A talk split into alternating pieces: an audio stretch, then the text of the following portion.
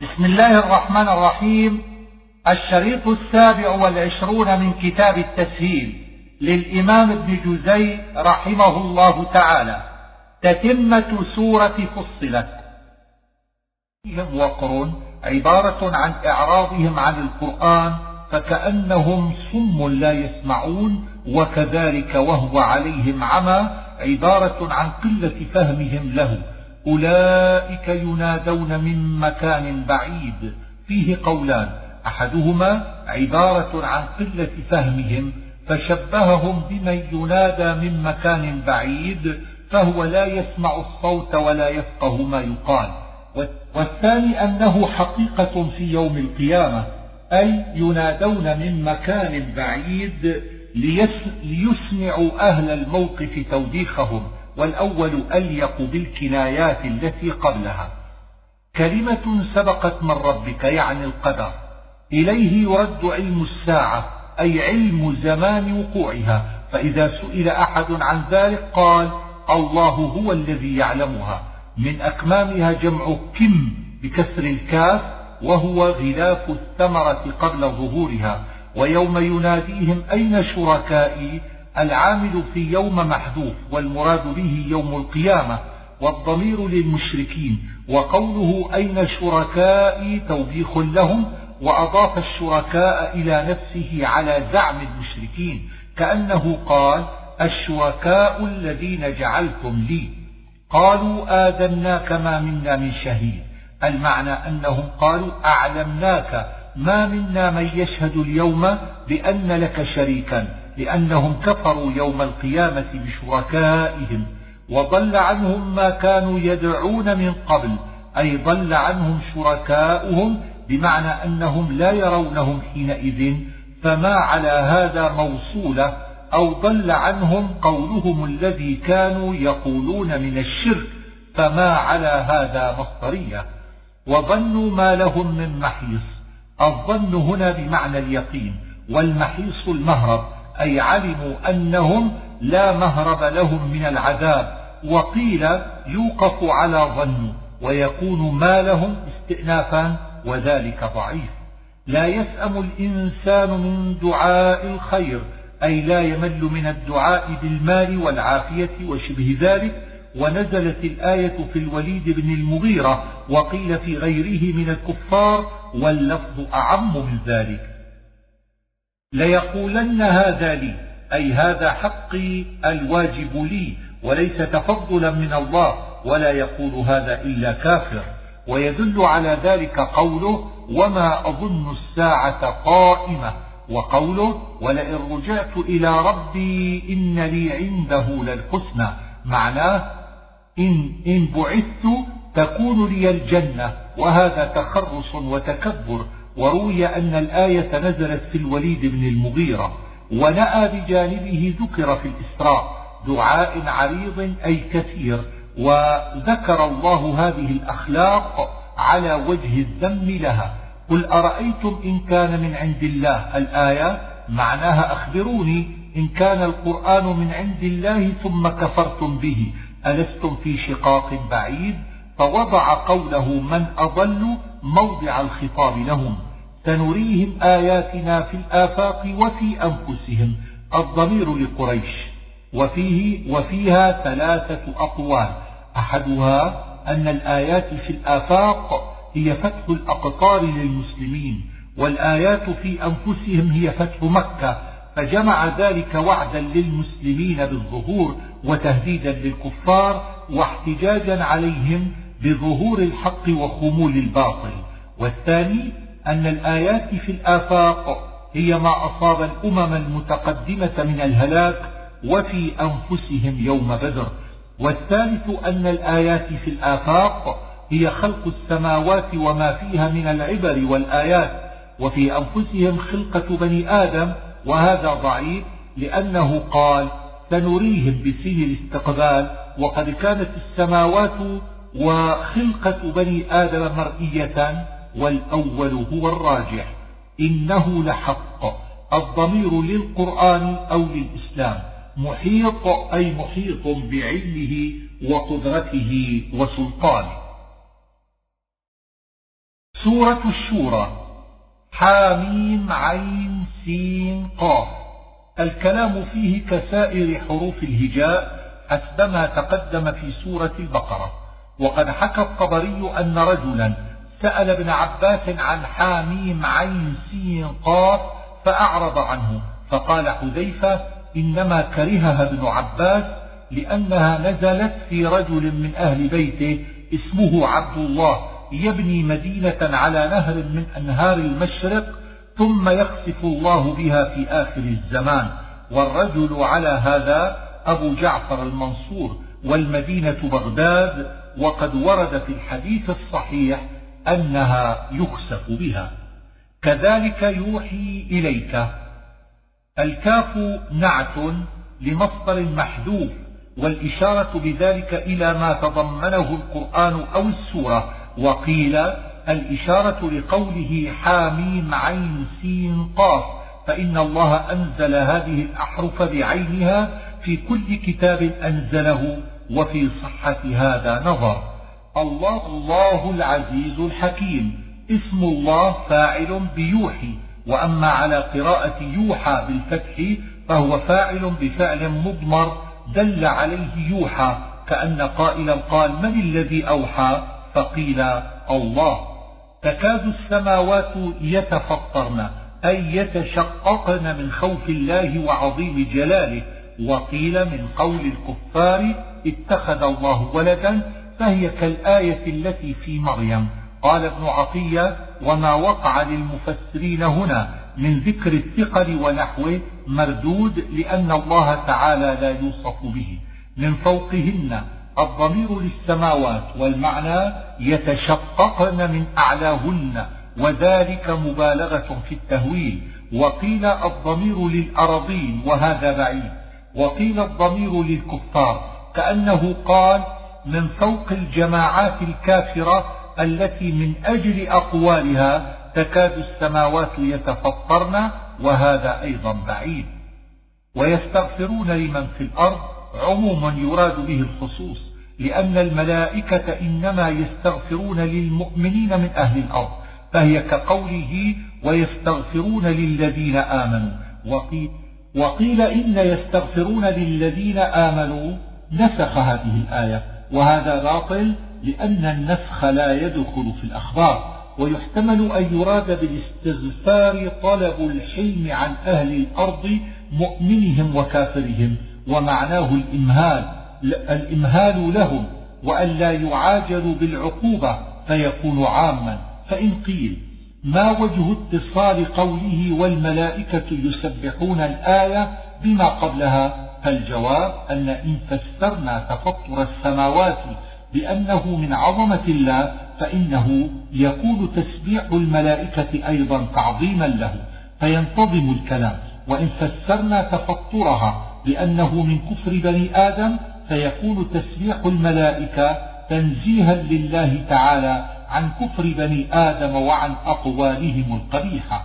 أم القرى هي مكة والمراد أهلها. ولذلك عطف عليه من حولها يعني من الناس يوم الجمع يعني يوم القيامة وسمي بذلك لأن الخلائق يجتمعون فيه أم اتخذوا أم منقطعة والأولياء هنا المعبودون من دون الله فحكمه إلى الله أي ما اختلفتم فيه أنتم والكفار من أمر الدين فحكمه إلى الله بأن يعاقب المبطل ويثيب المحق أو ما اختلفتم فيه من الخصومات فتحاكموا فيه إلى النبي صلى الله عليه وآله وسلم كقوله فردوه إلى الله والرسول. من أنفسكم أزواجا يعني الإناث.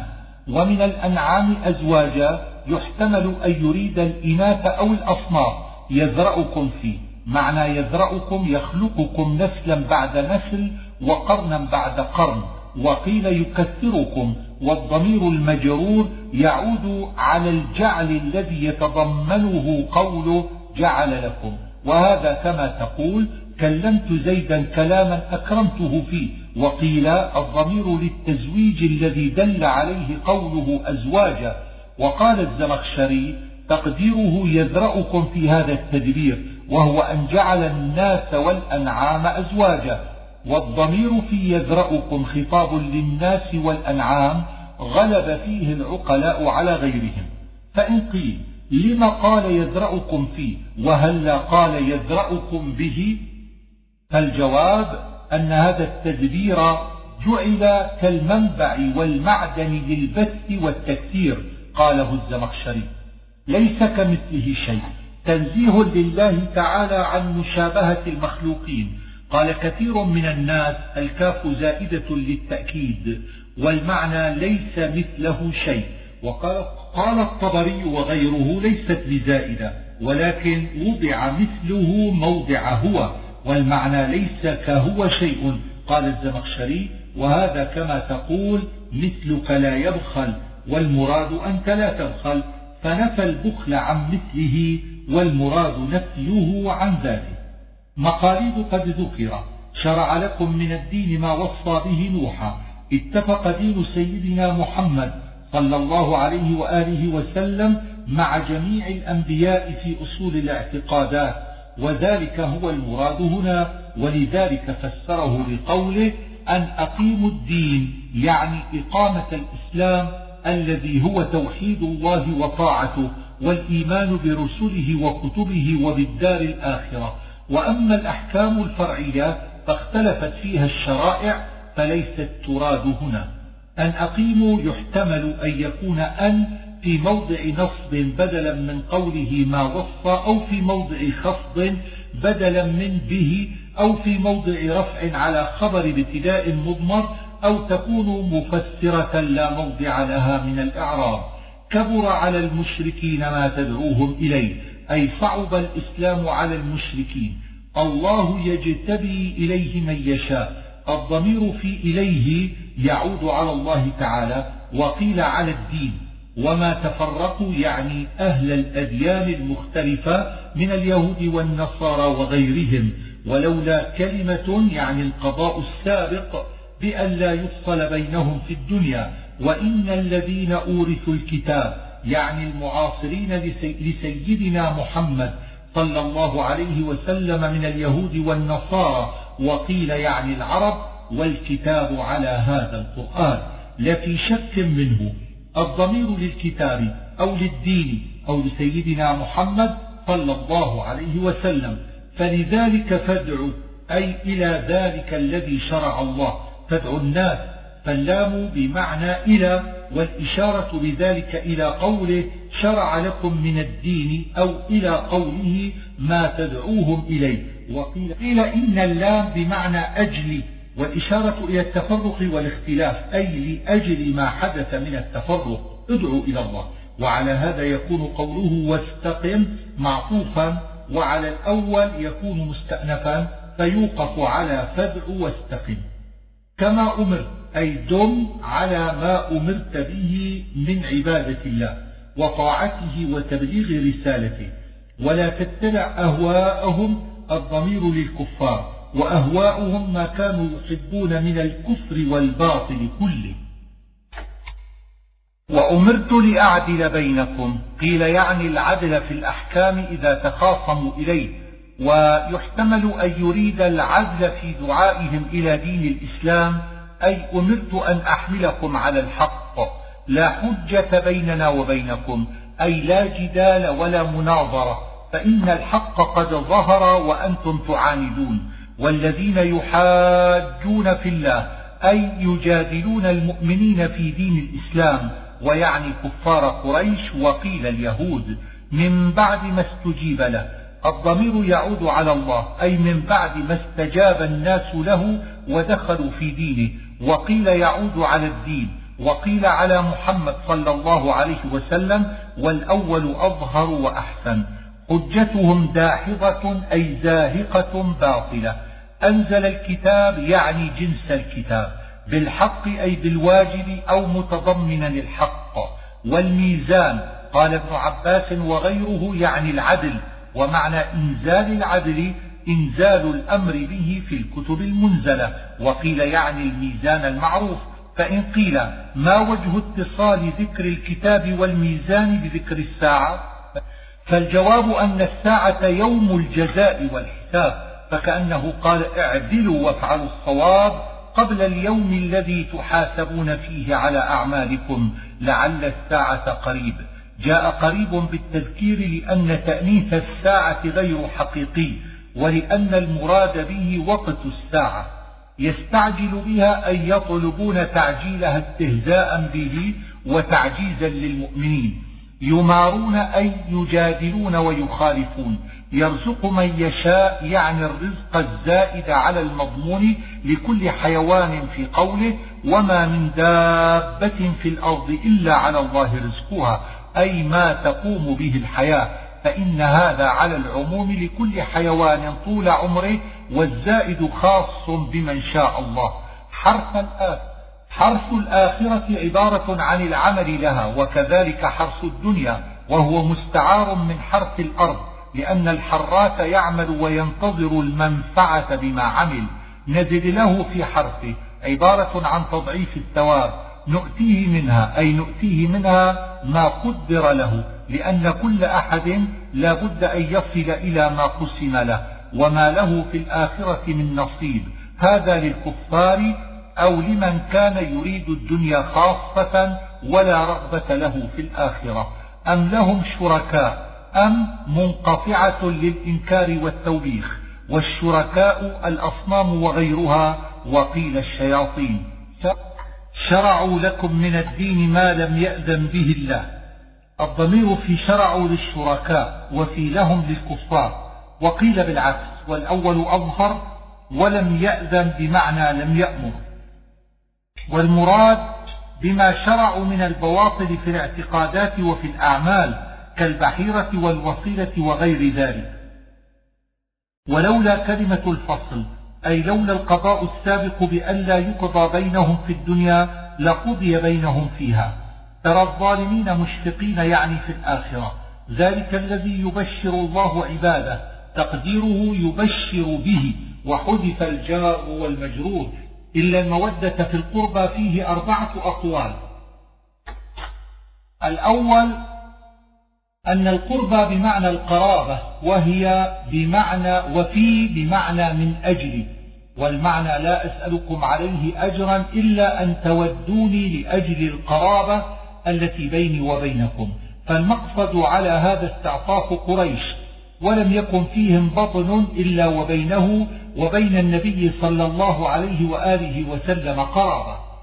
الثاني أن القربى بمعنى الأقارب أو ذوي القربى والمعنى إلا أن تودوا أقاربي وتحفظوني فيهم والمقصد على هذا وصية بأهل البيت. الثالث أن القربى قرابة الناس بعضهم من بعض والمعنى أن تودوا أقاربكم والمقصود عن هذا وصية بصلة الأرحام. الرابع أن القرب التقرب إلى الله والمعنى إلا أن تتقربوا إلى الله بطاعته. والاستثناء على القول الثالث والرابع منقطع وأما على الأول والثاني فيحتمل الانقطاع لأن المودة ليست بأجر ويحتمل الاتصال على المجاز كأنه قال لا أسألكم عليه أجرا إلا المودة فجعل المودة كالأجر. يقترف أن يكتسب. نزد له فيها حسنا يعني مضاعفة الثواب. أم يقولون أم منقطعة للإنكار والتوبيخ فإن يشأ الله يختم على قلبه. فالمقصد بهذا قولان أحدهما أنه رد على الكفار في قولهم أفترى على الله كذبا. أي لو افتريت على الله كذبا لختم على قلبك ولكنك لم تفتري كذبا فقد هداك وسددك. والآخر أن المراد إن يشأ الله يختم على قلبك بالصبر على أقوال الكفار وتحمل أذاهم ويمحو الله الباطل. هذا فعل مستأنف غير معطوف على ما قبله لأن الذي قبله مجزوم وهذا مرفوع. فيوقف على ما قبله ويبدأ به وفي المراد به وجهان. أحدهما أنه من تمام ما قبله أي لو افتريت على الله كذبا لختم على قلبك لختم على قلبك ومحى الباطل الذي كنت تفتريه لو افتريت. والآخر أنه وعد لرسول الله صلى الله عليه وآله وسلم بأن يمحو الله الباطل وهو الكفر ويحق الحق وهو الإسلام. وهو الذي يقبل التوبة عن عباده. عن هنا بمعنى من وكأنه قال التوبة الصادرة من عباده وقبول التوبة على ثلاثة أوجه. أحدها التوبة من الكفر فهي مقبولة قطعا.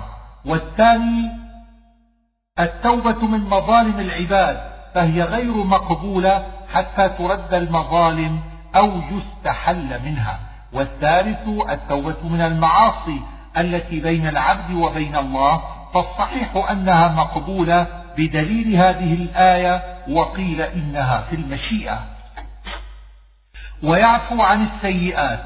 العفو مع التوبة على حسب ما ذكرنا. وأما العفو دون التوبة فهو على أربعة أقسام. الأول العفو عن الكفر وهو لا يكون أصلا. والثاني العفو عن مظالم العباد وهو كذلك والثالث العفو عن الذنوب الصغائر إذا اجتنبت الكبائر وهو حاصل باتفاق والرابع العفو عن الكبائر فمذهب أهل السنة في المشيئة ومذهب المعتزلة أنها لا تغفر إلا بالتوبة. ويستجيب الذين آمنوا فيه ثلاثة أقوال أحدها أن معنى يستجيب يجيب والذين آمنوا مفعول والفاعل ضمير يعود على الله تعالى أي يجيبهم فيما يطلبون منه. وقال الزمخشري أي أصله يستجيب للذين آمنوا فحذف اللام. والثاني أن معناه يجيب والذين آمنوا فاعل أي يستجيب المؤمنون لربهم باتباع دينه. والثالث أن معناه يطلب المؤمنون الإجابة من ربهم واستفعل على هذا على بابه من الطلب. والأول أرجح لدلالة قوله ويزيدهم من فضله ولأنه قول ابن عباس ومعاذ بن جبل. ويزيدهم من فضله أي يزيدهم ما لا يطلبون زيادة على الاستجابة فيما طلبوا. وهذه الزيادة روي عن النبي صلى الله عليه وآله وسلم أنها الشفاعة والرضوان. ولو بسط الله الرزق لعباده لبغوا في الأرض. أي بغى بعضهم على بعض وظنوا لأن الغنى يوجب الطغيان. وقال بعض الصحابة فينا نزلت لأننا نظرنا إلى أموال الكفار فتمنيناها. وهو الذي ينزل الغيث من بعد ما قنطوا. قيل لعمر رضي الله تعالى عنه اشتد القحط وقنط الناس فقال الآن ينطرون وأخذ ذلك من هذه الآية ومنه قوله صلى الله عليه وسلم اشتدي أزمة تنفرجي وينشر رحمته. قيل يعني المطر فهو تكرار للمعنى الأول بلفظ آخر وقيل يعني الشمس وقيل بالعموم. وما بث فيهما من دابة. لا إشكال لأن الدواب في الأرض وأما في السماء فقيل يعني الملائكة وقيل يمكن أن تكون في السماء دواب لا نعلمها نحن وقيل المعنى أنه بث في أحدهما فذكر الاثنين كما تقول في بني فلان كذا وإنما هو في بعضهم وهو على جمعهم إذا يشاء قدير يريد جمع الخلق في الحشر يوم القيامة وما أصابكم من مصيبة فبما كسبت أيديكم المعنى أن المصائب التي تصيب الناس في أنفسهم وأموالهم إنما هي بسبب الذنوب. قال رسول الله صلى الله تعالى عليه وآله وسلم لا يصيب ابن آدم خدش عود أو عثرة قدم ولا اختلاج عرق إلا بذنب وما يعفو الله عنه أكثر. وقرئ بما كسبت بغير فاء على أن يكون ما أصابكم بمعنى الذي. وقرئ بالفاء على أن يكون ما أصابكم شرطا. بمعجزين قد ذكر الجوار جمع جارية وهي السفينة كالأعلام جمع علم وهو الجبل. إن يشأ يسكن الريح فيظللن رواكد على ظهره. الضمير في يظللن للجوار وفي ظهره للجر. أي لو أراد الله أن يسكن الرياح لبقيت السفن واقفة على ظهر البحر. فالمقصود تعديد النعمة في إرسال الرياح أو تهديد بإسكانه أو يوبقهن بما كسبوا عطف على يسكن الريح ومعنى يوبقهن يهلكهن بالغرق من شدة الرياح العاصفة والضمير فيه للسفن وفي كسبوا لركابها من الناس والمعنى أنه لو شاء لأغرقها بذنوب الناس. ويعلم الذين يجادلون في آياتنا ما لهم من محيص. أي يعلمون أنه لا مهرب لهم من الله وقرئ يعلم بالرفع على الاستئناف وبالنصب واختلف في إعرابه على قولين. أحدهما أنه نصب بإضمار أن بعد الواو لما وقعت بعد الشرط والجزاء لأنه غير واجب وأنكر ذلك الزمخشري وقال إنه شاذ فلا ينبغي أن يحمل القرآن عليه. والثاني والثاني قول الزمخشري إنه معطوف على تعليل محذوف تقديره لينتقم منهم ويعلم. قال ونحوه من المعطوف على التعليل المحذوف في القرآن كثير ومنه قوله ولنجعله آية للناس. كبائر الإثم. ذكرنا الكبائر في النساء. وقيل كبائر الإثم هو الشرك والفواحش هي الزنا واللفظ أعم من ذلك. والذين استجابوا لربهم. قيل يعني الأنصار لأنهم استجابوا لما دعاهم النبي صلى الله عليه وآله وسلم إلى الإسلام. ويظهر لي أن هذه الآية إشارة إلى ذكر الخلفاء الراشدين رضي الله عنهم لأنه بدأ أولا بصفات أبي بكر الصديق ثم صفات عمر بن الخطاب ثم صفات عثمان بن عفان ثم صفات علي بن أبي طالب. فكونه جمع هذه الصفات ورتبها على هذا الترتيب يدل على أنه قصد بها من اتصف بذلك. فأما صفات أبي بكر فقوله الذين آمنوا وعلى ربهم يتوكلون وإنما جعلناها صفة أبي بكر وإن كان جميعهم متصفا بها لأن أبا بكر كانت له فيها مزية لم تكن لغيره. قال صلى الله عليه وآله وسلم لو وزن إيمان أبي بكر بإيمان الأمة لرجحهم. وقال صلى الله عليه وسلم أنا مدينة الإيمان وأبو بكر بابها. وقال أبو بكر لو كشف الغطاء لما ازددت إلا يقينا والتوكل إنما يقوى بقوة الإيمان. أما صفات عمر فقوله والذين يجتنبون كبائر الإثم والفواحش لأن ذلك هو التقوى. وقد قال صلى الله عليه وسلم أنا مدينة التقوى وعمر بابها.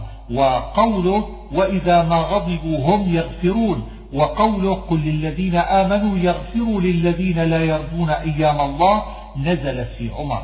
وأما صفات عثمان فقوله والذين استجابوا لربهم. لأن عثمان لما دعاه رسول الله صلى الله عليه وسلم إلى الإيمان تبعه وبادر إلى الإسلام وقوله وأقاموا الصلاة لأن عثمان كان كثير الصلاة بالليل وفيه نزلت أمن هو قانت آناء الليل ساجدا وقائما الآية. وروي أنه كان يحيي الليل بركعة يقرأ فيها القرآن كله وقوله وأمرهم شورى بينهم لأن عثمان ولي الخلافة بالشورى وقوله ومما رزقناهم ينفقون لأن عثمان كان كثير النفقة في سبيل الله ويكفيك أنه جهز جيش العسرة. وأما صفة علي فقوله والذين إذا أصابهم البغي هم ينتصرون لأنه لما قاتلته الفئة الباغية قاتلها انتصارا للحق وانظر كيف سمى رسول الله صلى الله عليه وآله وسلم المقاتلين لعلي الفئة الباغية حسب ما ورد في الحديث الصحيح أنه قال لعمار بن ياسر تقتلك الفئة الباغية فذلك هو البغي الذي أصابه وقوله فمن عفا وأصلح فأجره على الله إشارة إلى فعل الحسن بن علي حين بايع معاوية وأسقط حق نفسه ليصلح أحوال المسلمين ويحقن دماءهم. قال رسول الله صلى الله تعالى عليه وآله وسلم في الحسن إن ابني هذا سيد ولعل الله أن يصلح به بين فئتين عظيمتين من المسلمين. وقوله ولمن انتصر بعد ظلمه فأولئك ما عليهم من سبيل إشارة إلى انتصار الحسين بعد موت الحسن وطلبه للخلافة وانتصاره من بني أمية. وقوله إنما السبيل على الذين يظلمون الناس إشارة إلى بني أمية فإنهم استطالوا على الناس كما جاء في الحديث عنهم أنهم جعلوا عباد الله خولا ومال الله دولا ويكفيك من ظلمهم أنهم كانوا يلعنون علي بن أبي طالب على منابرهم. وقوله ولمن صبر الآية إشارة إلى صبر أهل بيت النبي صلى الله عليه وآله وسلم على ما نالهم من الضر والذل طول مدة بني أمية. وجزاء سيئة سيئة مثلها سمى العقوبة باسم الذنب وجعلها مثلها تحرزا من الزيادة عليها فمن عفا وأصلح فأجره على الله. هذا يدل على أن العفو عن الظلمة أفضل من الانتصار لأنه ضمن الأجر في العفو. وذكر بلفظ الإباحة في قوله ولمن انتصر بعد ظلمه فأولئك ما عليهم من سبيل وقيل إن, وقيل إن الانتصار أفضل. والأول أصح فإن قيل كيف ذكر الانتصار في صفات المدح في قوله والذين إذا أصابهم البغي هم ينتصرون والمباح لا مدح فيه ولا ذم فالجواب من ثلاثة أوجه. أحدها أن المباح قد يمدح لأنه قيام بحق لا بباطل والثاني أنه مدح الانتصار لكونه كان بعد الظلم تحرزا ممن بدأ بالظلم فكأن المدح إنما هو بترك الابتداء بالظلم. والثالث إن كانت الإشارة بذلك. إلى علي بن أبي طالب حسبما ذكرنا فانتصاره محمود لأن قتال أهل البغي واجب لقوله تعالى فقاتلوا التي تبغي يعرضون عليها أي على النار. خاشعين من الذل عبارة عن الذل والكآبة ومن الذل يتعلق بخاشعين ينظرون من طرف خفي فيه قولان. أحدهما أنه عبارة عن الذل لأن نظر الذليل بمهابة واستكانة والآخر أنهم يحشرون عميا فلا ينظرون بأبصارهم وإنما ينظرون بقلوبهم واستبعد هذا ابن عطية والزمخشري. والطرف يحتمل أن يريد به العين أو يكون مصدرا. يوم القيامة يتعلق بقال أو بخسر. ألا إن الظالمين؟ يحتمل أن يكون من كلام الذين آمنوا أو مستأنفا من كلام الله تعالى. لا مرد له ذكر في الروم من نكير أي إنكار يعني لا تنكرون أعمالكم.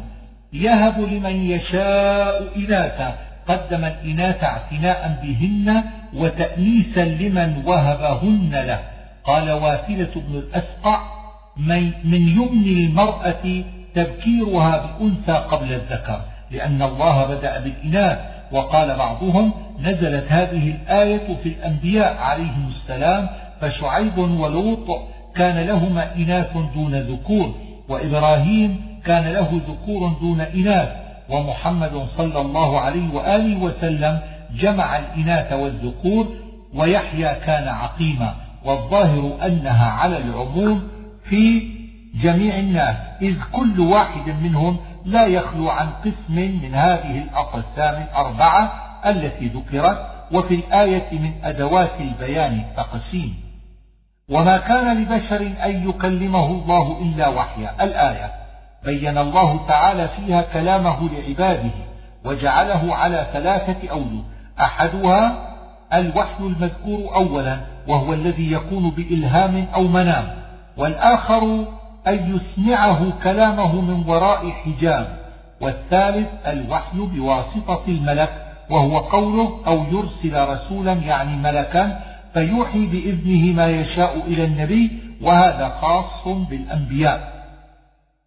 والثاني خاص بموسى وبمحمد صلى الله عليه وآله وسلم إذ كلمه الله ليلة الإسراء. وأما الأول فيكون للأنبياء والأولياء كثيرا وقد يكون لسائر الخلق ومنه وأوحى ربك إلى النحل ومنه منامات الناس. أو يرسل رسولا قرئ يرسل ويوحي بالرفع على تقدير أو هو يرسل وبالنصب عطفا على وحيا لأن تقديره أن يوحي عطف على أن المقدرة وكذلك أوحينا إليك روحا من أمرنا. الروح هنا القرآن. والمعنى مثل هذا الوحي وهو بإرسال ملك أوحينا إليك القرآن والأمر هنا يحتمل أن يكون واحد الأمور أو يكون من الأمر بالشيء. وما كنت تدري ما الكتاب ولا الإيمان المقصد بهذا شيئان أحدهما تعداد النعمة عليه صلى الله عليه وسلم بأن علمه الله ما لم يكن يعلم والآخر احتجاج على نبوته. لكونه أتى بما لم يكن يعلمه ولا تعلمه من أحد. فإن قيل أما كونه لم يدري لم يكن يدري الكتاب فلا إشكال فيه. وأما الإيمان ففيه إشكال لأن الأنبياء مؤمنون بالله قبل مبعثهم.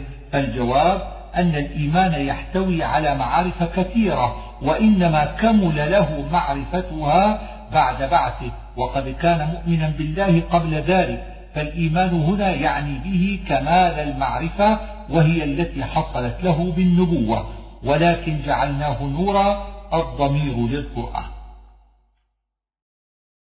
سورة الزخرف. والكتاب المبين يعني القرآن والمبين يحتمل أن يكون بمعنى البين أو المبين أو المبين لغيره. وإنه في أم الكتاب لدينا لعلي حكيم.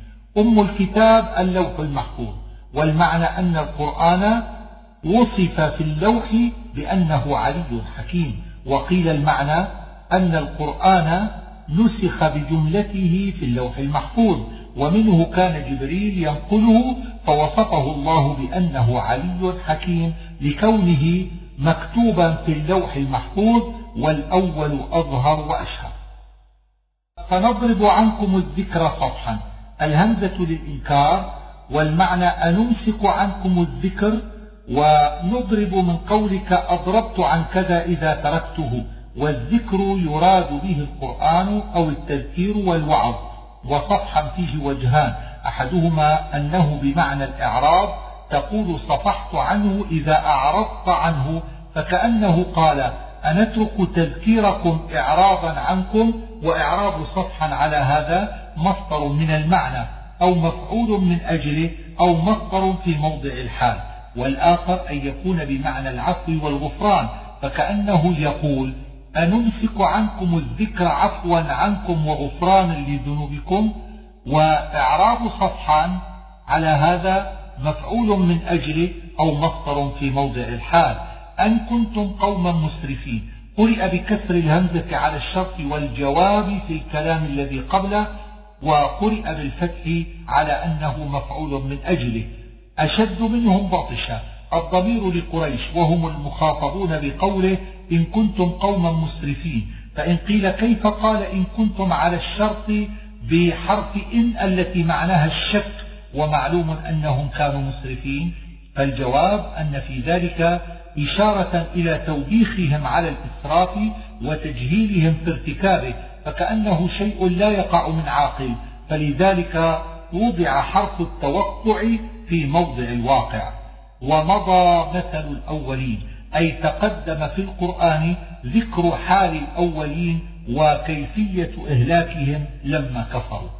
ولئن سألتهم الآية احتجاج على قريش لأنهم كانوا يعترفون أن الله هو الذي خلق السماوات والأرض. وكانوا مع اعترافهم بذلك يعبدون غيره ومقتضى جوابهم أن يقولوا خلقهن الله. فلما ذكر هذا المعنى جاءت العبارة عن الله بالعزيز العليم لأن اعترافهم بأنه خلق السماوات والأرض يقتضي أن يعترفوا بأنه عزيز عليم. وأما قوله الذي جعل لكم فهو من كلام الله لا من كلامهم. مهادا أي فراشا على وجه التشبيه. سبلا أي طرقا تمشون فيها ماء بقدر أي بمقدار ووزن معلوم وقيل معناه بقضاء. كذلك تخرجون تمثيل للخروج من القبور بخروج النبات من الأرض. الأزواج كلها يعني أصناف الحيوان والنبات وغير ذلك لتستووا على ظهوره الضمير يعود على ما تركبون. ثم تذكروا نعمة ربكم يحتمل أن يكون هذا الذكر بالقلب أو باللسان ويحتمل أن يريد النعمة في تسخير هذا المركوب أو النعمة على الإطلاق. وكان بعض السلف إذا ركب دابة يقول الحمد لله الذي هدانا للإسلام ثم يقول سبحان الذي سخر لنا هذا. وما كنا له مقرنين أي مطيقين وغالبين. وإنا إلى ربنا لمنقلبون. اعتراف بالحشر فإن قيل ما مناسبة هذا للركوب؟ فالجواب أن راكب السفينة أو الدابة متعرض للهلاك بما يخاف من غرق السفينة أو سقوطه عن الدابة فأمر بذكر الحشر ليكون مستعدا للموت الذي قد يعرض له. وقيل يذكر عند الركوب ركوب الجنازة وجعلوا لله من عباده جزءا. الضمير في جعلوا لكفار العرب. وفي له, وفي له لله تعالى. وهذا الكلام متصل بقوله ولئن سألتهم الآية. والمعنى, والمعنى أنهم جعلوا الملائكة بنات الله. فكأنهم جعلوا جزءا من عباده نصيبا له وحظا دون سائر عباده. وقال الزمخشري معناه أنهم جعلوا الملائكة جزءا منه وقال بعض اللغويين الجزء في اللغة الإناث واستشهد على ذلك ببيت شعر. قال الزمخشري وذلك كذب على اللغة والبيت موضوع. أم اتخذ مما يخلق بنات أم للإنكار والرد على الذين قالوا إن الملائكة بنات الله ومعنى أصفاكم خصكم أي كيف يتخذ لنفسه البنات وهن أدنى وأصفاكم بالبنين وهم أعلى؟ وإذا بشر, وإذا بشر أحدهم بما ضرب للرحمن مثلا أي إذا بشر بالأنثى وقد ذكر هذا المعنى في النحل والمراد أنهم يكرهون البنات فكيف ينسبونها إلى الله؟ تعالى عن قولهم. أو من ينشأ في الحلية؟ المراد بمن ينشأ في الحلية النساء. والحلية هي الحلي من الذهب والفضة وشبه ذلك ومعنى ينشأ فيها يكبر وينبت في استعمارها وقرئ ينشأ بضم الياء وتشديد الشين بمعنى يربى فيها والمقصد الرد على الذين قالوا الملائكة بنات الله كأنه قال أجعلتم لله من ينشأ في الحلية؟ وذلك صفة النقص ثم أتبعها بصفة نقص الأخرى وهي قوله وهو في الخصام غير مبين. يعني أن الأنثى إذا خاصمت أو تكلمت لم تقدر أن تبين حجتها لنقص عقلها وقلما تجد امرأة إلا تفسد الكلام وتخلط المعاني فكيف ينسب لله من يتصف بهذه النقائص؟ وإعراب من ينشأ مفعول بفعل مضمر تقديره أجعلتم لله من ينشأ أو مبتدأ وخبره محذوف تقديره أو من ينشأ في الحلية خصصتم به الله. وجعلوا الملائكة الذين هم عباد الرحمن إناثا. الضمير في جعلوا لكفار العرب. فحكى عنهم ثلاثة أقوال شنيعة. أحدها أنهم نسبوا إلى الله الولد والآخر أنهم نسبوا إليه البنات دون البنين والثالث أنهم جعلوا الملائكة المكرمين إناثا وقرئ عند الرحمن بالنون والمراد به قرب الملائكة وتشريفهم كقوله والذين عند ربك وقرئ عباد بالباء جمع عبد والمراد به أيضا الاختصاص والتشريف. أشهدوا خلقهم؟ هذا رد على العرب في قولهم إن الملائكة إناث والمعنى هم لم يشهدوا خلق الملائكة فكيف يقولون ما ليس لهم به علم؟ ستكتب شهادتهم ويسألون. أي تكتب شهادتهم التي شهدوا بها على الملائكة ويسألون عنها يوم القيامة. وقالوا لو شاء الرحمن ما عبدناهم. الضمير في قالوا للكفار وفي عبدناهم للملائكة. وقال ابن عطية للأصنام والأول أظهر وأشهر. والمعنى احتجاج احتج به الذين عبدوا الملائكة وذلك أنهم قالوا لو أراد الله ألا نعبدهم ما عبدناهم فكونه يمهلنا وينعم علينا دليل على أنه يرضى عبادتنا لهم ثم رد الله عليهم بقوله ما لهم بذلك من علم يعني أن قولهم بلا دليل وحجة وإنما هو تخرص منهم. أم آتيناهم كتابا من قبله أي من قبل القرآن وهذا أيضا رد عليهم لكونهم ليس لهم كتاب يحتجون به بل قالوا إنا وجدنا آباءنا على أمة أي على دين وطريقة والمعنى أنهم ليس لهم حجة وإنما هم مقلدو آبائهم. وكذلك ما أرسلنا من قبلك الآية المعنى كما اتبع هؤلاء الكفار آباءهم بغير حجة اتبع كل من كان قبلهم من الكفار آباءهم بغير حجة بل بطريق التقليد المذموم.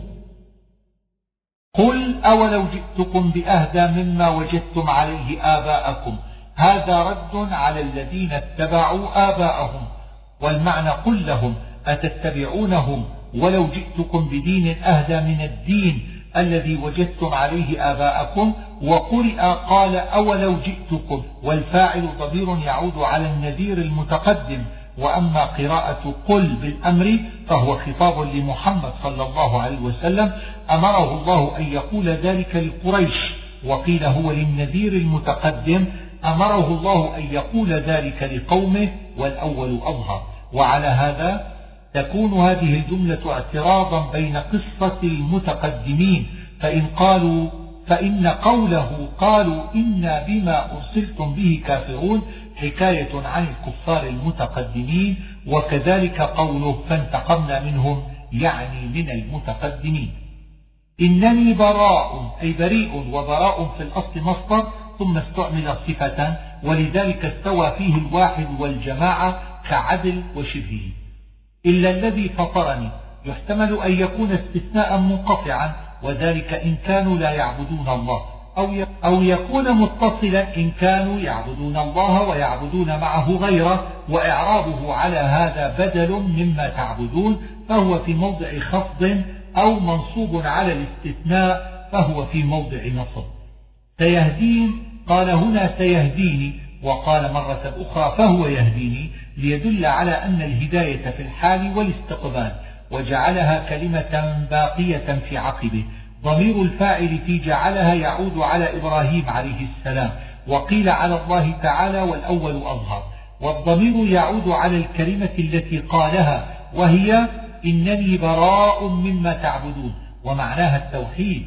ولذلك قيل يعود على الإسلام لقوله هو سماكم المسلمين من قبل وقيل يعود على لا إله إلا الله والمعنى متقارب أي جعل إبراهيم تلك الكلمة ثابتة في ذريته لعل من أشرك منهم يرجع إلى التوحيد والعقب هو الولد وولد الولد ما تناسلا أبدا. بل متعت هؤلاء وآباءهم الإشارة بهؤلاء إلى قريش. وهذا الكلام متصل بما قبله لأن قريشا من عقب إبراهيم عليه السلام. فالمعنى لكن هؤلاء ليسوا ممن بقيت الكلمة فيهم بل متعتهم بالنعم والعافية فلم يشكروا عليها واشتغلوا بها عن عبادة الله. حتى جاءهم الحق ورسول مبين وهو محمد صلى الله عليه وآله وسلم. وقالوا لولا نزل هذا القرآن على رجل من القريتين عظيم الضمير في قالوا لقريش والقريتان مكة والطائف ومن القريتين معناها من إحدى القريتين كقولك يخرج منهما اللؤلؤ والمرجان أي من أحدهما وقيل معناه على رجل من رجلين من القريتين.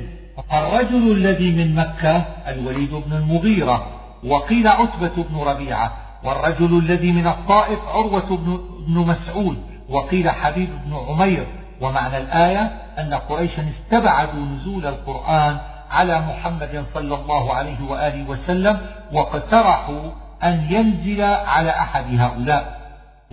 وصفوه بالعظمة يريدون الرئاسة في قومه وكثرة ماله فرد الله عليهم بقوله أهم يقسمون رحمة ربك؟ يعني أن الله يخص بالنبوة من يشاء من عباده. على ما تقتضيه حكمته وإرادته وليس ذلك بتدبير المخلوقين ولا بإرادتهم ثم أوضح ذلك بقوله نحن قسمنا بينهم معيشتهم في الحياة الدنيا. أي كما قسمنا المعايش في الدنيا كذلك قسمنا المواهب الدينية. وإذا كنا لم نهمل الحظوظ الفانية الحقيرة فأولى وأحرى ألا نهمل الحظوظ الشريفة الباقية. ليتخذ بعضهم بعضا سخريا وهو من التسخير في الخدمة أي رفعنا بعضهم فوق بعض ليخدم بعضهم بعضا. ورحمة ربك خير مما يجمعون. هذا تحقير للدنيا والمراد برحمة ربك هنا النبوة وقيل الجنة. ولولا أن يكون الناس أمة واحدة الآية تحقير أيضا للدنيا. ومعناها لولا أن يكفر الناس كلهم لجعلنا للكفار سقفا من فضة وذلك لهوان الدنيا على الله. كما قال رسول الله صلى الله تعالى عليه وآله وسلم لو كانت الدنيا تزن عند الله جناح بعوضة ما سقى كافرا منها جرعة ماء. ومعارج عليها يظهرون المعارج الأدراج والسلالم ومعنى يظهرون يرتفعون ومنه فما استطاعوا أن يظهروه والسرر جمع سرير. والزخرف الذهب وقيل أثاث البيت من الستور والنمارق وشبه ذلك وقيل هو التزويق والنقش وشبه ذلك من التزيين كقولك حتى إذا أخذت الأرض زخرفها وزينت. ومن يعش عن ذكر الرحمن نقيض له شيطانا. يعش من قولك عشى الرجل إذا أظلم بصره.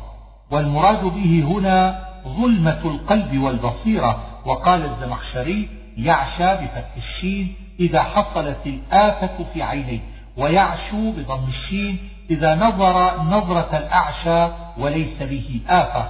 فالفرق بينهما كالفرق بين قولك عمي وتعامى. فمعنى القراءة بالضم يتجاهل ويجحد مع معرفته بالحق والظاهر أن ذلك عبارة عن الغفلة وإهمال النظر. وذكر الرحمن قال الزمخشري يريد به القرآن وقال ابن عطية يريد به ما ذكر الله به عباده من المواعظ فالمصدر مضاف إلى الفاعل ويحتمل عندي أن يريد ذكر العبد لله. ومعنى معنى الآية أن من غفل عن ذكر الله يسر الله له شيطانا يكون له قرينا. فتلك عقوبة على الغفلة عن الذكر بتسليط الشيطان. كما أن من داوم على الذكر تباعد عنه الشيطان وإنهم ليصدونهم عن السبيل. الضمير في إنهم للشياطين وضمير المفعول في يصدونهم لمن يعشو عن ذكر الرحمن وجمع الضميرين لأن المراد به جمع. حتى إذا جاءنا قرئ جاءنا بضمير الاثنين وهما من يعشو وشيطانه وقرئ بغير ألف على أنه ضمير واحد وهو من يعشو والضمير في قال لمن يعشو وقيل للشيطان. بعد المشرقين فيه قولان. أحدهما أنه يعني المشرق والمغرب وغلب أحدهما في التشبيه كما قيل القمران والآخر أنه يعني المشرقين والمغربين. وحذف المغربين لدلالة المشرقين عليه. ولن ينفعكم اليوم إذ ظلمتم أنكم في العذاب مشتركون. هذا كلام يقال للكفار في الآخرة ومعناه أنهم لا ينفعهم اشتراكهم في العذاب ولا يجدون راحة التأسي التي يجدها المكروب في الدنيا إذا رأى غيره قد أصابه مثل الذي أصابه والفاعل في ينفعكم قوله أنكم في العذاب مشتركون. وإذ ظلمتم تعليل معناه بسبب ظلمكم. وقيل الفاعل مضمر وهو التبري الذي يقتضيه قوله يا ليت بيني وبينك بعد المشرقين وأنكم على هذا تعليل والأول أرجح. أفأنت تسمع الصم الآية؟ خطاب للنبي صلى الله عليه وسلم والمراد بالصم والعمي الكفار إذ كانوا لا يعقلون براهين الإسلام. فإما نذهبن بك فإنا منهم منتقمون. إما مركبة من إن الشرطية وما الزائدة. ومقصد الآية وعيد للكفار. والمعنى إن عجلنا وفاتك قبل الانتقام منهم فإنا سننتقم منهم بعد وفاتك. وإن أخرنا وفاتك إلى حين الانتقام منهم فإنا عليهم مقتدرون. وهذا الانتقام يحتمل أن يريد به قتلهم يوم بدر وفتح مكة وشبه ذلك من الانتقام في الدنيا أو يريد به عذاب الآخرة. وقيل إن الضمير في منهم منتقمون للمسلمين وأن معنى ذلك أن الله قضى أن ينتقم منهم بالفتن والشدائد وأنه أكرم نبيه صلى الله عليه وسلم بأن توفاه قبل أن يرى الانتقام من أمته والأول أشهر وأظهر وإنه لذكر لك ولقومك. الضمير في إنه للقرآن أو للإسلام والذكر هنا بمعنى الشرف. وقوم النبي صلى الله عليه وآله وسلم هم قريش وسائر العرب فإنهم نالوا بالإسلام شرف الدنيا والآخرة ويكفيك أن فتحوا مشارق الأرض ومغاربها. وصارت منهم الخلافة والملك. وورد عن ابن عباس أنه لما نزلت هذه الآية علم رسول الله صلى الله عليه وآله وسلم أن الأمر بعده لقريش ويحتمل أن يريد بالذكر التذكير والموعظة فقومه على هذا أمته كلهم وكل من بعث إليهم وسوف تسألون أي تسألون عن العمل بالقرآن وعن شكر الله عليه. واسأل من أرسلنا من قبلك من رسلنا. إن قيل كيف أمر النبي صلى الله عليه وآله وسلم أن يسأل الرسل المتقدمين وهو لم يدركهم؟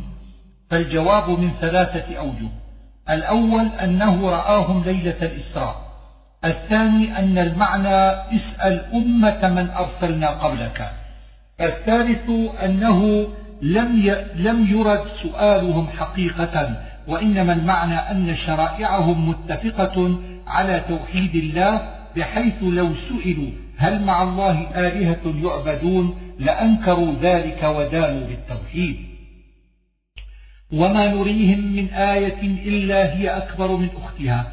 الآيات هنا المعجزات كقلب العصا حية وإخراج اليد بيضاء وقيل البراهين والحجج العقلية والأول أظهر. ومعنى أكبر من أختها أنها في غاية الكبر والظهور ولم يرى تفضيلها على غيرها من الآيات إنما المعنى أنها إذا نظرت وجدت كبيرة وإذا نظرت غيرها وجدت كبيرة فهو كقول الشاعر من تلقى منهم فقل لاقيت سيدهم هكذا قال الزمخشري.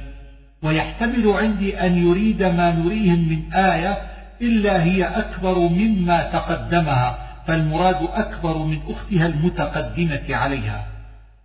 وقالوا يا أيها الساحر ادع لنا ربك. ظاهر كلامهم هذا التناقض فإن قولهم يا أيها الساحر يقتضي تكذيبهم له. وقولهم ادع لنا ربك يقتضي تصديقه والجواب من وجهين. أحدهما أن القائلين لذلك كانوا مكذبين وقولهم ادع لنا ربك يريدون على قولك وزعمك. وقولهم إننا لمهتدون وعد نووا خلافه والآخر أنهم كانوا مصدقين. وقولهم يا أيها الساحر إما أن يكون عندهم غير مذموم لأن السحر كان علم أهل زمانهم وكأنهم قالوا يا أيها العالم وإما أن يكون ذلك اسما قد ألفوا تسمية موسى به من أول ما جاءهم فنطقوا به بعد ذلك من غير اعتقاد معناه.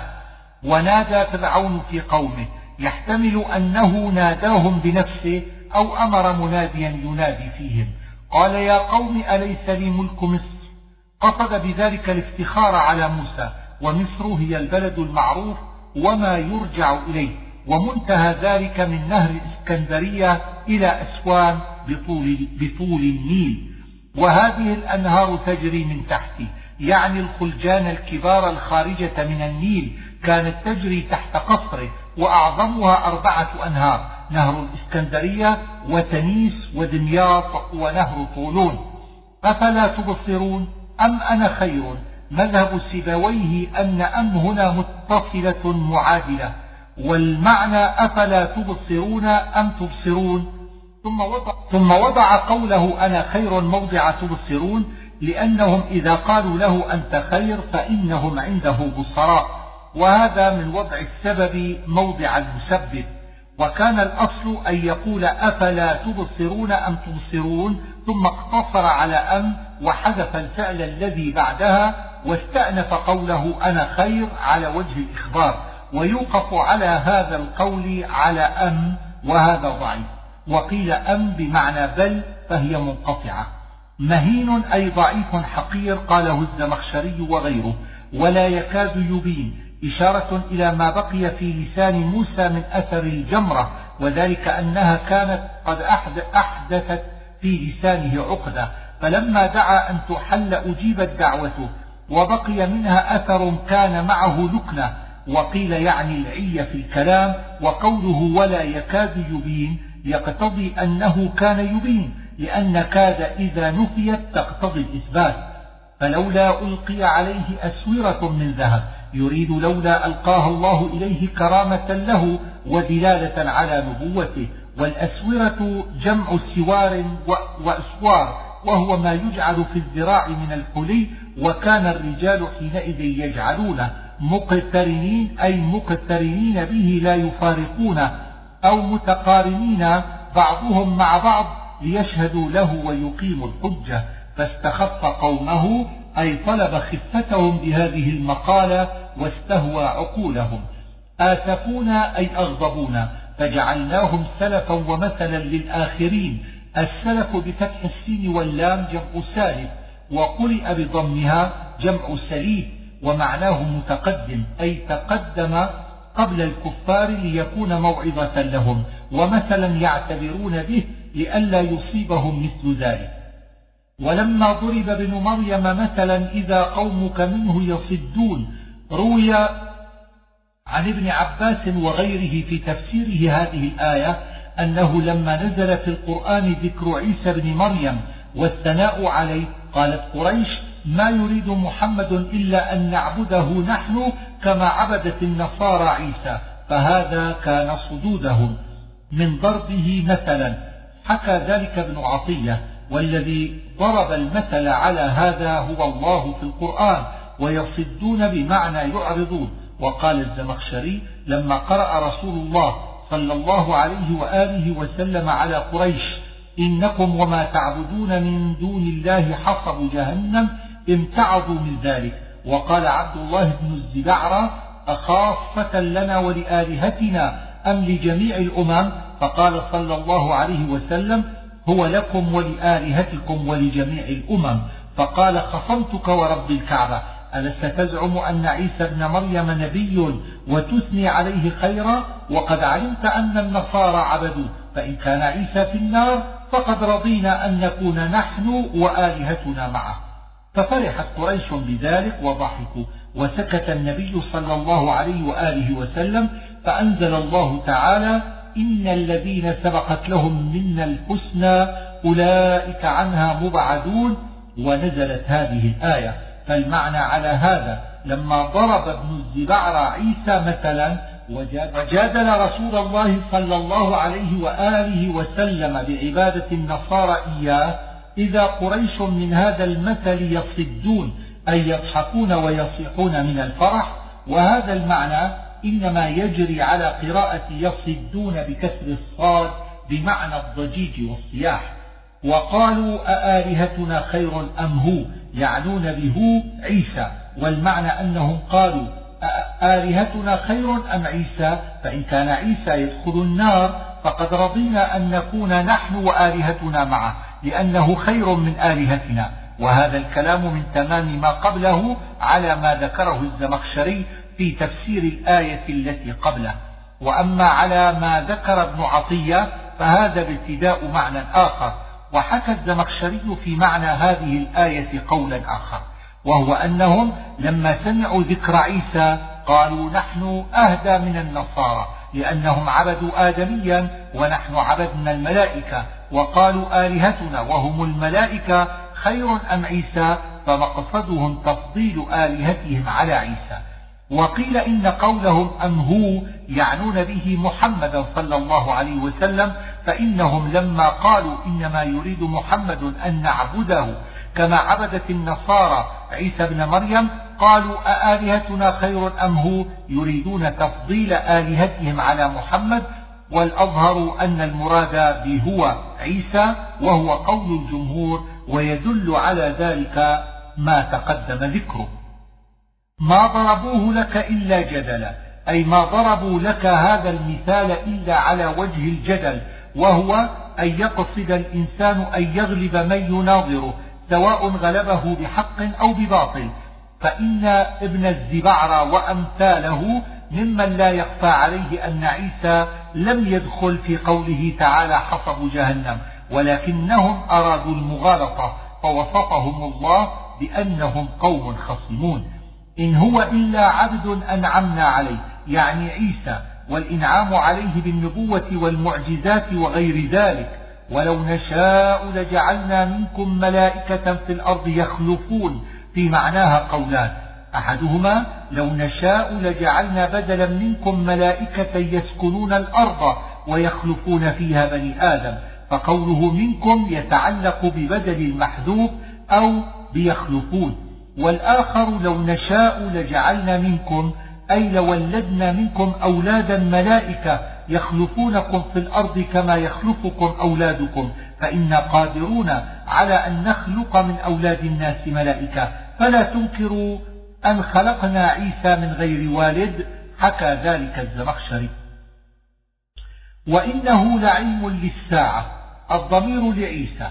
وقيل لمحمد صلى الله عليه وسلم وقيل للقرآن فأما على القول بأنه لعيسى أو لمحمد فالمعنى أنه شرط من أشراط الساعة يوجب العلم بها فسمي الشرط علما لحصول العلم به ولذلك قرئ لعلم بفتح العين واللام أي علامة. وأما على القول بأنه للقرآن فالمعنى أنه يعلمكم بالساعة. ولأبين لكم بعض الذي تختلفون فيه. إنما بين البعض دون الكل لأن الأنبياء إنما يبينون أمور الدين لا أمور الدنيا وقيل بعض بمعنى كل وهذا ضعيف. فاختلف الأحزاب ذكر في مريم. هل ينظرون إلا الساعة؟ أي ينتظرون. والضمير لقريش أو للأحزاب. الأخلاء يومئذ بعضهم لبعض عدو إلا المتقين. الأخلاء جمع خليل وهو الصديق وإنما يعادي الخليل خليله يوم القيامة لأن الضرر دخل عليه من صحبته ولذلك استثنى المتقين لأن النفع دخل على بعضهم من بعض.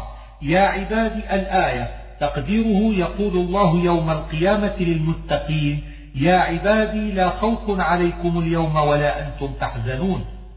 تحبرون أي تنعمون وتسرون. وهم فيه مبلسون أي يائسون من الخير. ونادوا يا مالك ليقضي علينا ربك. المعنى أنهم طلبوا الموت ليستريحوا من العذاب. وروي أن مالكا يبقى بعد ذلك ألف سنة. وحينئذ يقول لهم إنكم ماكثون أي دائمون في النار. لقد جئناكم بالحق. الآية من كلام الله تعالى لأهل النار أو من كلام الله لقريش في الدنيا. أم أبرموا أمرا فإنا مبرمون الضمير لكفار قريش والمعنى أنهم إن أحكموا كيد النبي صلى الله عليه وسلم فإنا محكمون نصره وحمايته.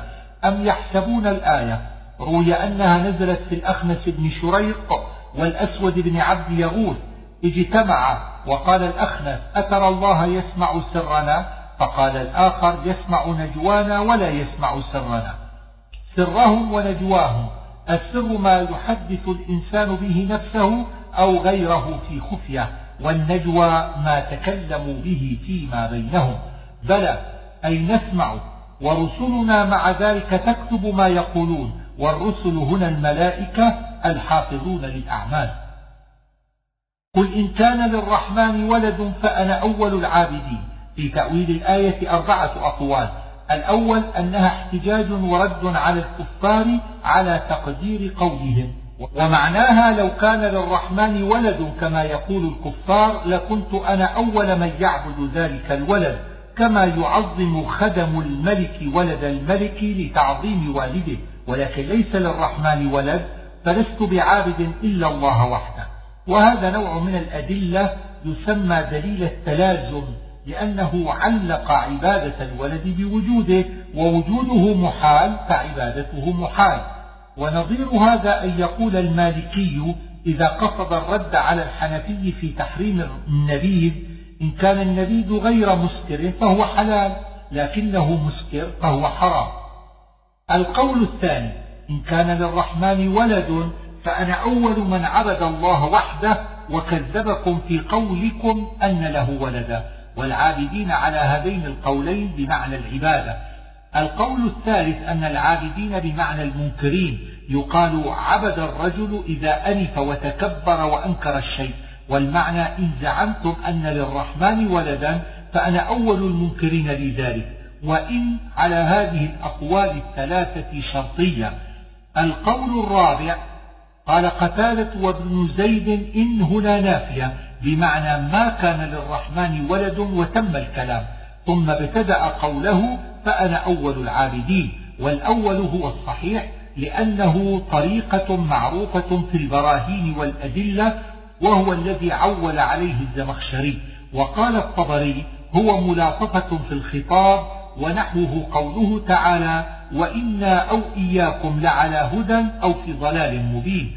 وقال ابن عطية منه قوله تعالى في مخاطبة الكفار أين شركائي؟ يعني شركائي على قولكم.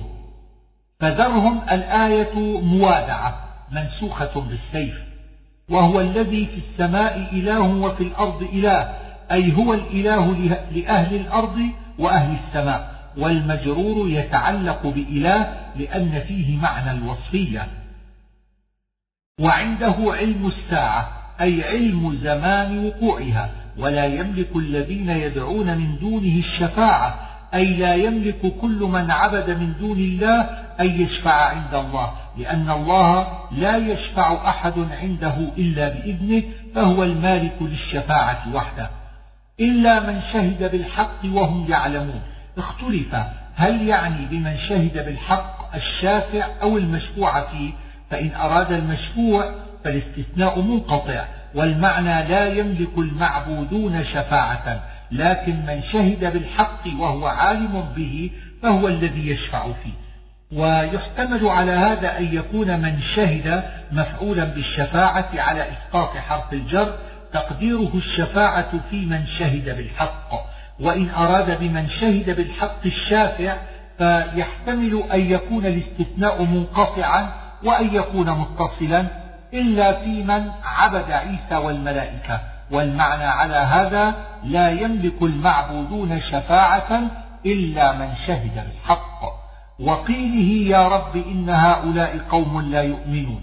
القيل مصدر كالقول والضمير يعود على النبي صلى الله عليه وسلم وقرئ قيله بالنصب والخفض وقرئ في غير السبع بالرفع. فأما النصب فقيل هو معطوف على سرهم ونجواهم وقيل هو معطوف على موضع الساعة لأنها مفعول أضيف إلى المصدر وقيل معطوف على مفعول محذوف تقديره يكتبون أقوالهم وقيله. وأما الخفض فقيل إنه معطوف على لفظ الساعة ويحتمل أن يكون معطوفا على قوله بالحق. وأما على الرفع فقيل إنه مبتدأ وخبره ما بعده. وضعف الزمخشري ذلك كله وقال إنه من باب القسم. فالنصب والخفض على إضمار حرف القسم كقولك الله لأضربن زيدا والرفع كقولهم أيمن الله ولعمرك وجواب القسم قوله إن هؤلاء قوم لا يؤمنون كأنه قال أقسم بقيله أن هؤلاء قوم لا يؤمنون. فاصفح عنهم منسوخ بالسيف وقل سلام تقديره أمري سلام أي مسالمة. وقيل سلام عليكم على جهة الموادعة وهو منسوخ على الوجهين فسوف تعلمون تهديد. سورة الدخان. والكتاب المبين ذكر في الزخرف وهو قسم جوابه إنا أنزلناه وقيل إنا كنا منذرين وهو بعيد. إنا أنزلناه في ليلة مباركة يعني ليلة القدر من رمضان وكيفية إنزاله فيها أنه أنزل إلى السماء الدنيا جملة واحدة ثم نزل به جبريل على النبي صلى الله عليه وآله وسلم شيئا بعد شيء. وقيل معناه أنه ابتدأ إنزاله في ليلة القدر وقيل يعني بالليلة المباركة ليلة النصف من شعبان وذلك باطل لقوله إنا أنزلناه في ليلة القدر مع قوله شهر رمضان الذي أنزل فيه القرآن. فيها يفرق كل أمر حكيم معنى يفرق يفصل ويخلص. والأمر الحكيم أرزاق العباد وآجالهم وجميع أمورهم في ذلك العام. نسخ من اللوح المحفوظ في ليلة القدر ليتمثل الملائكة ذلك بطول السنة المقابلة. وقيل إن هذا يكون ليلة النصف من شعبان وهذا باطل لما قدمنا. أمرا من عندنا مفعول بفعل مضمر على الاختصاص قاله الزمخشري. وقال ابن عطية نصب على المصدر. وقيل على الحال مرسلين إرسال الرسل عليهم السلام وقيل من إرسال الرحمة والأول أظهر. فارتقب يوم تأتي السماء بدخان مبين. في هذا قولان أحدهما قول علي بن أبي طالب وابن عباس أن الدخان يكون قبل يوم القيامة يصيب المؤمن منه مثل الزكام وينضج رؤوس الكافرين والمنافقين وهو من أشراف الساعة. وروى حذيفة أن رسول الله صلى الله عليه وسلم قال إن أول أشراف الساعة الدخان والثاني قول ابن مسعود.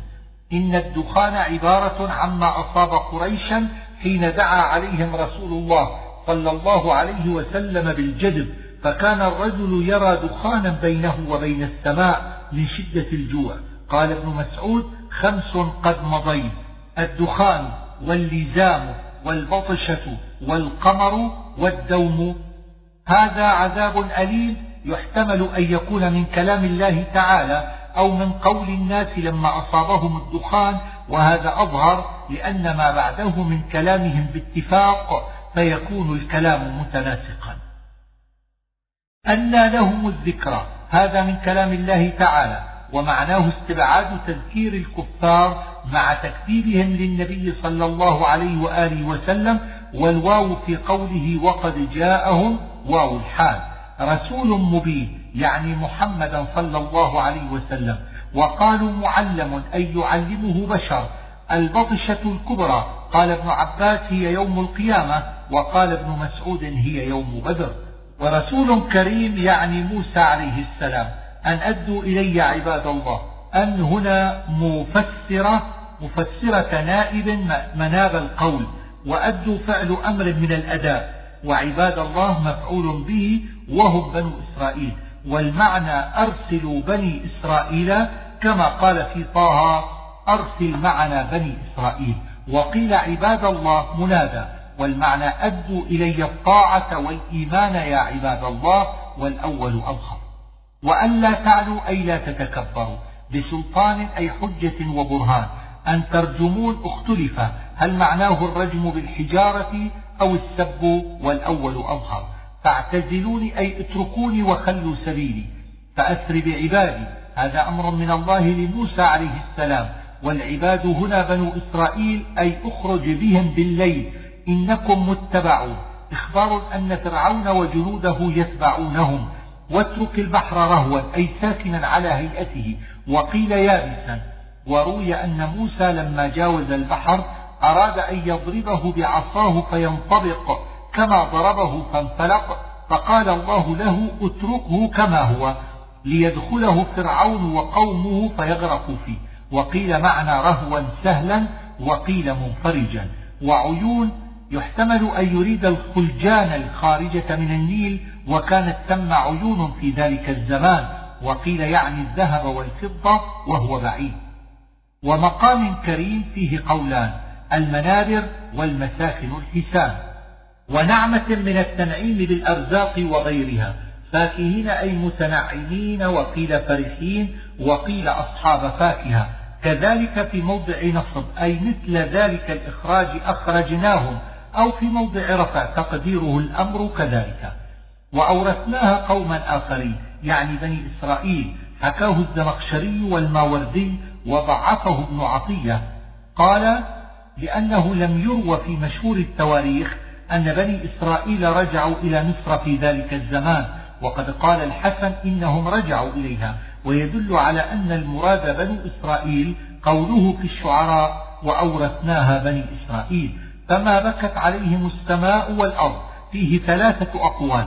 الأول أنه عبارة عن تحقيرهم وذلك أنه إذا مات رجل خطير قالت العرب في تعظيمه بكت عليه السماء والأرض على وجه المجاز والمبالغة. فالمعنى أن هؤلاء ليسوا كذلك لأنهم أحقر من أن يبالى بهم.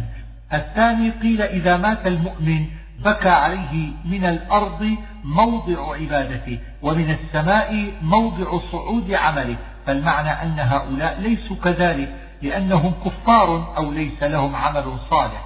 الثالث أن المعنى ما بكى عليهم أهل السماء ولا أهل الأرض. والأول أفصح وهو منزع معروف في كلام العرب. وكانوا منظرين أي مؤخرين. من فرعون بدل من العذاب عاليا أي متكبرا. اخترناهم على علم أي كنا عالمين بأنهم مستحقون لذلك على العالمين أي على أهل زمانهم. بلاء مبين أي اختبار. إن هؤلاء يعني كفار قريش. فأتوا بآبائنا. خاطبت قريش بذلك النبي صلى الله عليه وسلم وأصحابه على وجه التعجيز. روي أنهم طلبوا أن يحيي لهم قصي بن كلاب ليسألوه عن أحوال الآخرة. أهم خير أم قوم تبع كان تبع ملكا من حمير وكان مؤمنا وقومه كفارا فذم الله قومه ولم يذمه. وروي عن النبي صلى الله عليه وسلم أنه قال ما أدري أكان تبع نبيا أو غير نبي. ومعنى الآية أقريش أشد وأقوى أم قوم تبع والذين من قبلهم من الكفار وقد أهلكنا قوم تبع وغيرهم لما كفروا فكذلك نهلك هؤلاء فمقصود الكلام تهديد والذين من قبلهم عطف على قوم تبع وقيل هو مبتدأ فيوقف على ما قبله والأول أصح. لاعبين حال منفية ذكرت في الأنبياء. يوم لا يغني مولى عن مولى المولى هنا يعم الولي والقريب وغير ذلك من الموالي إلا من رحم الله. استثناء منقطع إن أراد بقوله ولا هم ينصرون الكفار ومتصل إن أراد بذلك جميع الناس. طعام الأثيم أي الفاجر وهو من الاسم وقيل يعني أبا جهل فالألف واللام للعهد والأظهر أنها للجنس فتعم أبا جهل وغيره. كالمهل هو زرتي الزيت وقيل ما يذاب من الرصاص وغيره فاعتلوه أي سوقوه بتعليم ثم صبوا فوق رأسه من عذاب الحميم المصبوب في الحقيقة إنما هو الحميم وهو الماء الحار ولكن جعل المصبوب هنا العذاب المضاف إلى الحميم مجازا لأن ذلك أبلغ وأشد تهويلا وقد جاء الأصل في قوله يصب من فوق رؤوسهم الحميم. ذق إنك أنت العزيز الكريم. يقال هذا للكافر على وجه التوبيخ والتهكم به. أي كنت العزيز الكريم عند نفسك. وروي أن أبا جهل قال ما بين جبليها أعز مني ولا أكرم. فنزلت الآية. تمترون تفتعلون من المرية وهي الشك في مقام أمين. قرئ بضم الميم أي موضع إقامة. وفتحها أي موضع قيام. والمراد به الجنة. والأمين من الأمن أي مأمون فيه. وقيل من الأمنة وصف به المكان مجازا من سندس واستبرق. السندس الرقيق من الديباج والاستبرق الغليظ منه. كذلك في موضع رفع أي الأمر كذلك أو في موضع نصب أي مثل ذلك زوجناهم. يدعون فيها أي يدعون قدامهم إلا الموتة الأولى استثناء منقطع والمعنى لا يذوقون فيها الموت. ولكنهم قد ذاقوا الموتة الأولى خاصة قبل ذلك ولولا قوله فيها لكان متصلا لعموم لفظ الموت وقيل إلا هنا بمعنى بعد وذلك ضعيف. يسرناه أي سهلناه والضمير للقرآن بلسانك أي بلغتك وهي لسان العرب. فارتقب إنهم مرتقبون أي ارتقب نصرنا لك وإهلاكهم فإنهم مرتقبون ضد ذلك. ففيه وعد له ووعيد لهم. انتهى. سورة الجاثية. تنزيل ذكر في الزمر وما بعد ذلك تنبيه على الاعتبار بالموجودات وقد ذكر معناه في مواضع. ويل لكل أفاك أثيم. الأفاك مبالغة من الإفك وهو الكذب والأثيم من الإثم. وقيل إنها نزلت في النضر بن الحارث ولفظها على العموم. يصر أن يدوم على حاله من الكفر وإنما عطفه بثم لاستعظام الإصرار على الكفر بعد سماعه آيات الله واستبعاد ذلك في العقل والطبع. وإذا, وإذا علم من آياتنا أي إذا بلغه منها شيء ولم يرد العلم الحقيقي من ورائهم جهنم كقوله من ورائه عذاب غليظ وقد ذكر في إبراهيم. وسخر لكم ما في السماوات وما في الأرض. يعني يعني الشمس والقمر والملائكة وبني آدم والحيوانات والنبات وغير ذلك. جميعا منه أي كل نعمة فمن الله تعالى.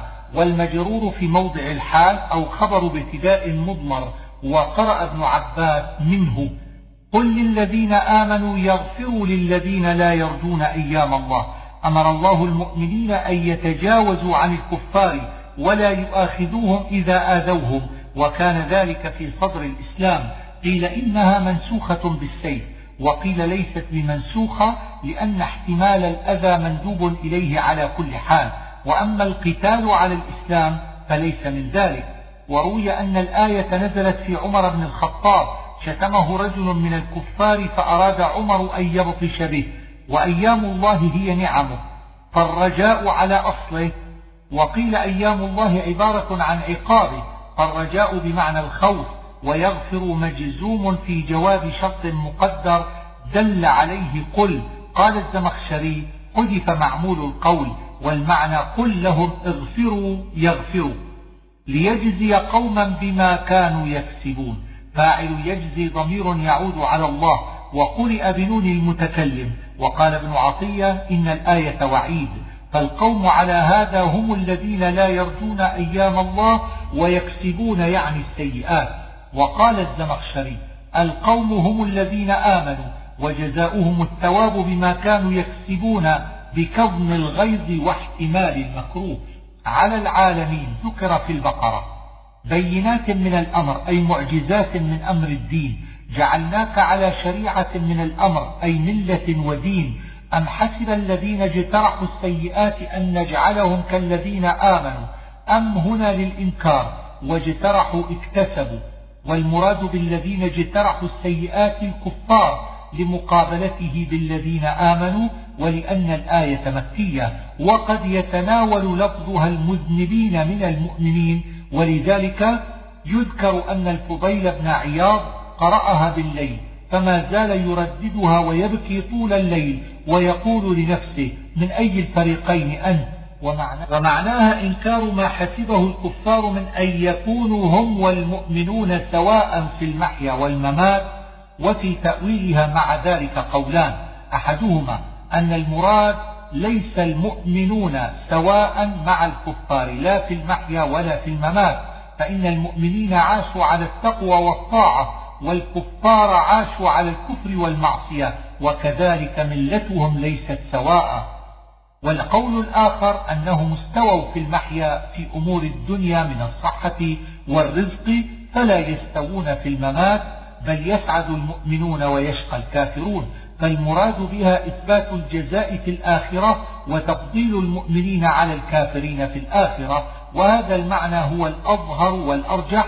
فيكون معنى الآية كقوله أفنجعل المسلمين كالمجرمين وكقوله أم نجعل الذين آمنوا وعملوا الصالحات كالمفسدين في الأرض أم نجعل المتقين كالفجار سواء محياهم ومماتهم. هذه الجملة بدل من الكاف في قوله كالذين آمنوا وهي مفسرة للتشبيه وهي داخلة فيما أنكره الله مما حسبه الكفار وقيل هي كلام مستأنف. والمعنى على هذا أن محيا المؤمنين ومماتهم سواء وأن محيا الكفار ومماتهم سواء لأن كل واحد يموت على ما عاش عليه. وهذا المعنى بعيد والصحيح أنها من تمام ما قبلها على المعنى الذي اخترناه. وأما إعرابها فمن قرأ سواء بالرفع فهو مبتدأ وخبره محياهم ومماتهم والجملة بدل من الجار والمجرور الواقع مفعولا ثانيا لنجعل ومن قرأ سواء بالنصب فهو حال أو مفعول ثان لنجعل ومحياهم فاعل بسواء لأنه في معنى مستوي. ساء ما يحكمون أي ساء حكمهم في تسويتهم بين أنفسهم وبين المؤمنين لتجزى كل نفس بما كسبت. معطوف على قوله بالحق لأن فيه معنى التعليل. أو على تعليل محذوف تقديره خلق الله السماوات والأرض ليدل بهما على قدرته ولتجزى كل نفس بما كسبت. اتخذ إلهه هواه أي أطاعه حتى صار له كالإله وأضله الله على علم. أي على علم من الله سابق وقيل على علم من هذا الضال بأنه على ضلال ولكنه يتبع الضلال معاندة. ختم ذكر في البقرة فمن يهديه من بعد الله. قال ابن عطية فيه حذف مضاف تقديره من بعد إضلال الله إياه ويحتمل أن يريد فمن يهديه غير الله. وقالوا الضمير لمن اتخذ إلهه هواه أو لقريش. نموت ونحيا. فيه أربع تأويلات. أحدها أنهم أرادوا يموت قوم ويحيا قوم والآخر نموت نحن ويحيا أولادنا. الثالث نموت حين كنا عدما أو نطفا ونحيا في الدنيا. والرابع نموت الموت المعروف ونحيا قبله في الدنيا. فوقع في اللفظ تقديم وتأخير ومقصودهم على كل وجه إنكار الآخرة. ويظهر أنهم كانوا على مذهب الدهرية لقولهم وما يهلكنا إلا الدهر فرد الله عليهم بقوله وما لهم بذلك من علم الآية. قالوا ائتوا بآبائنا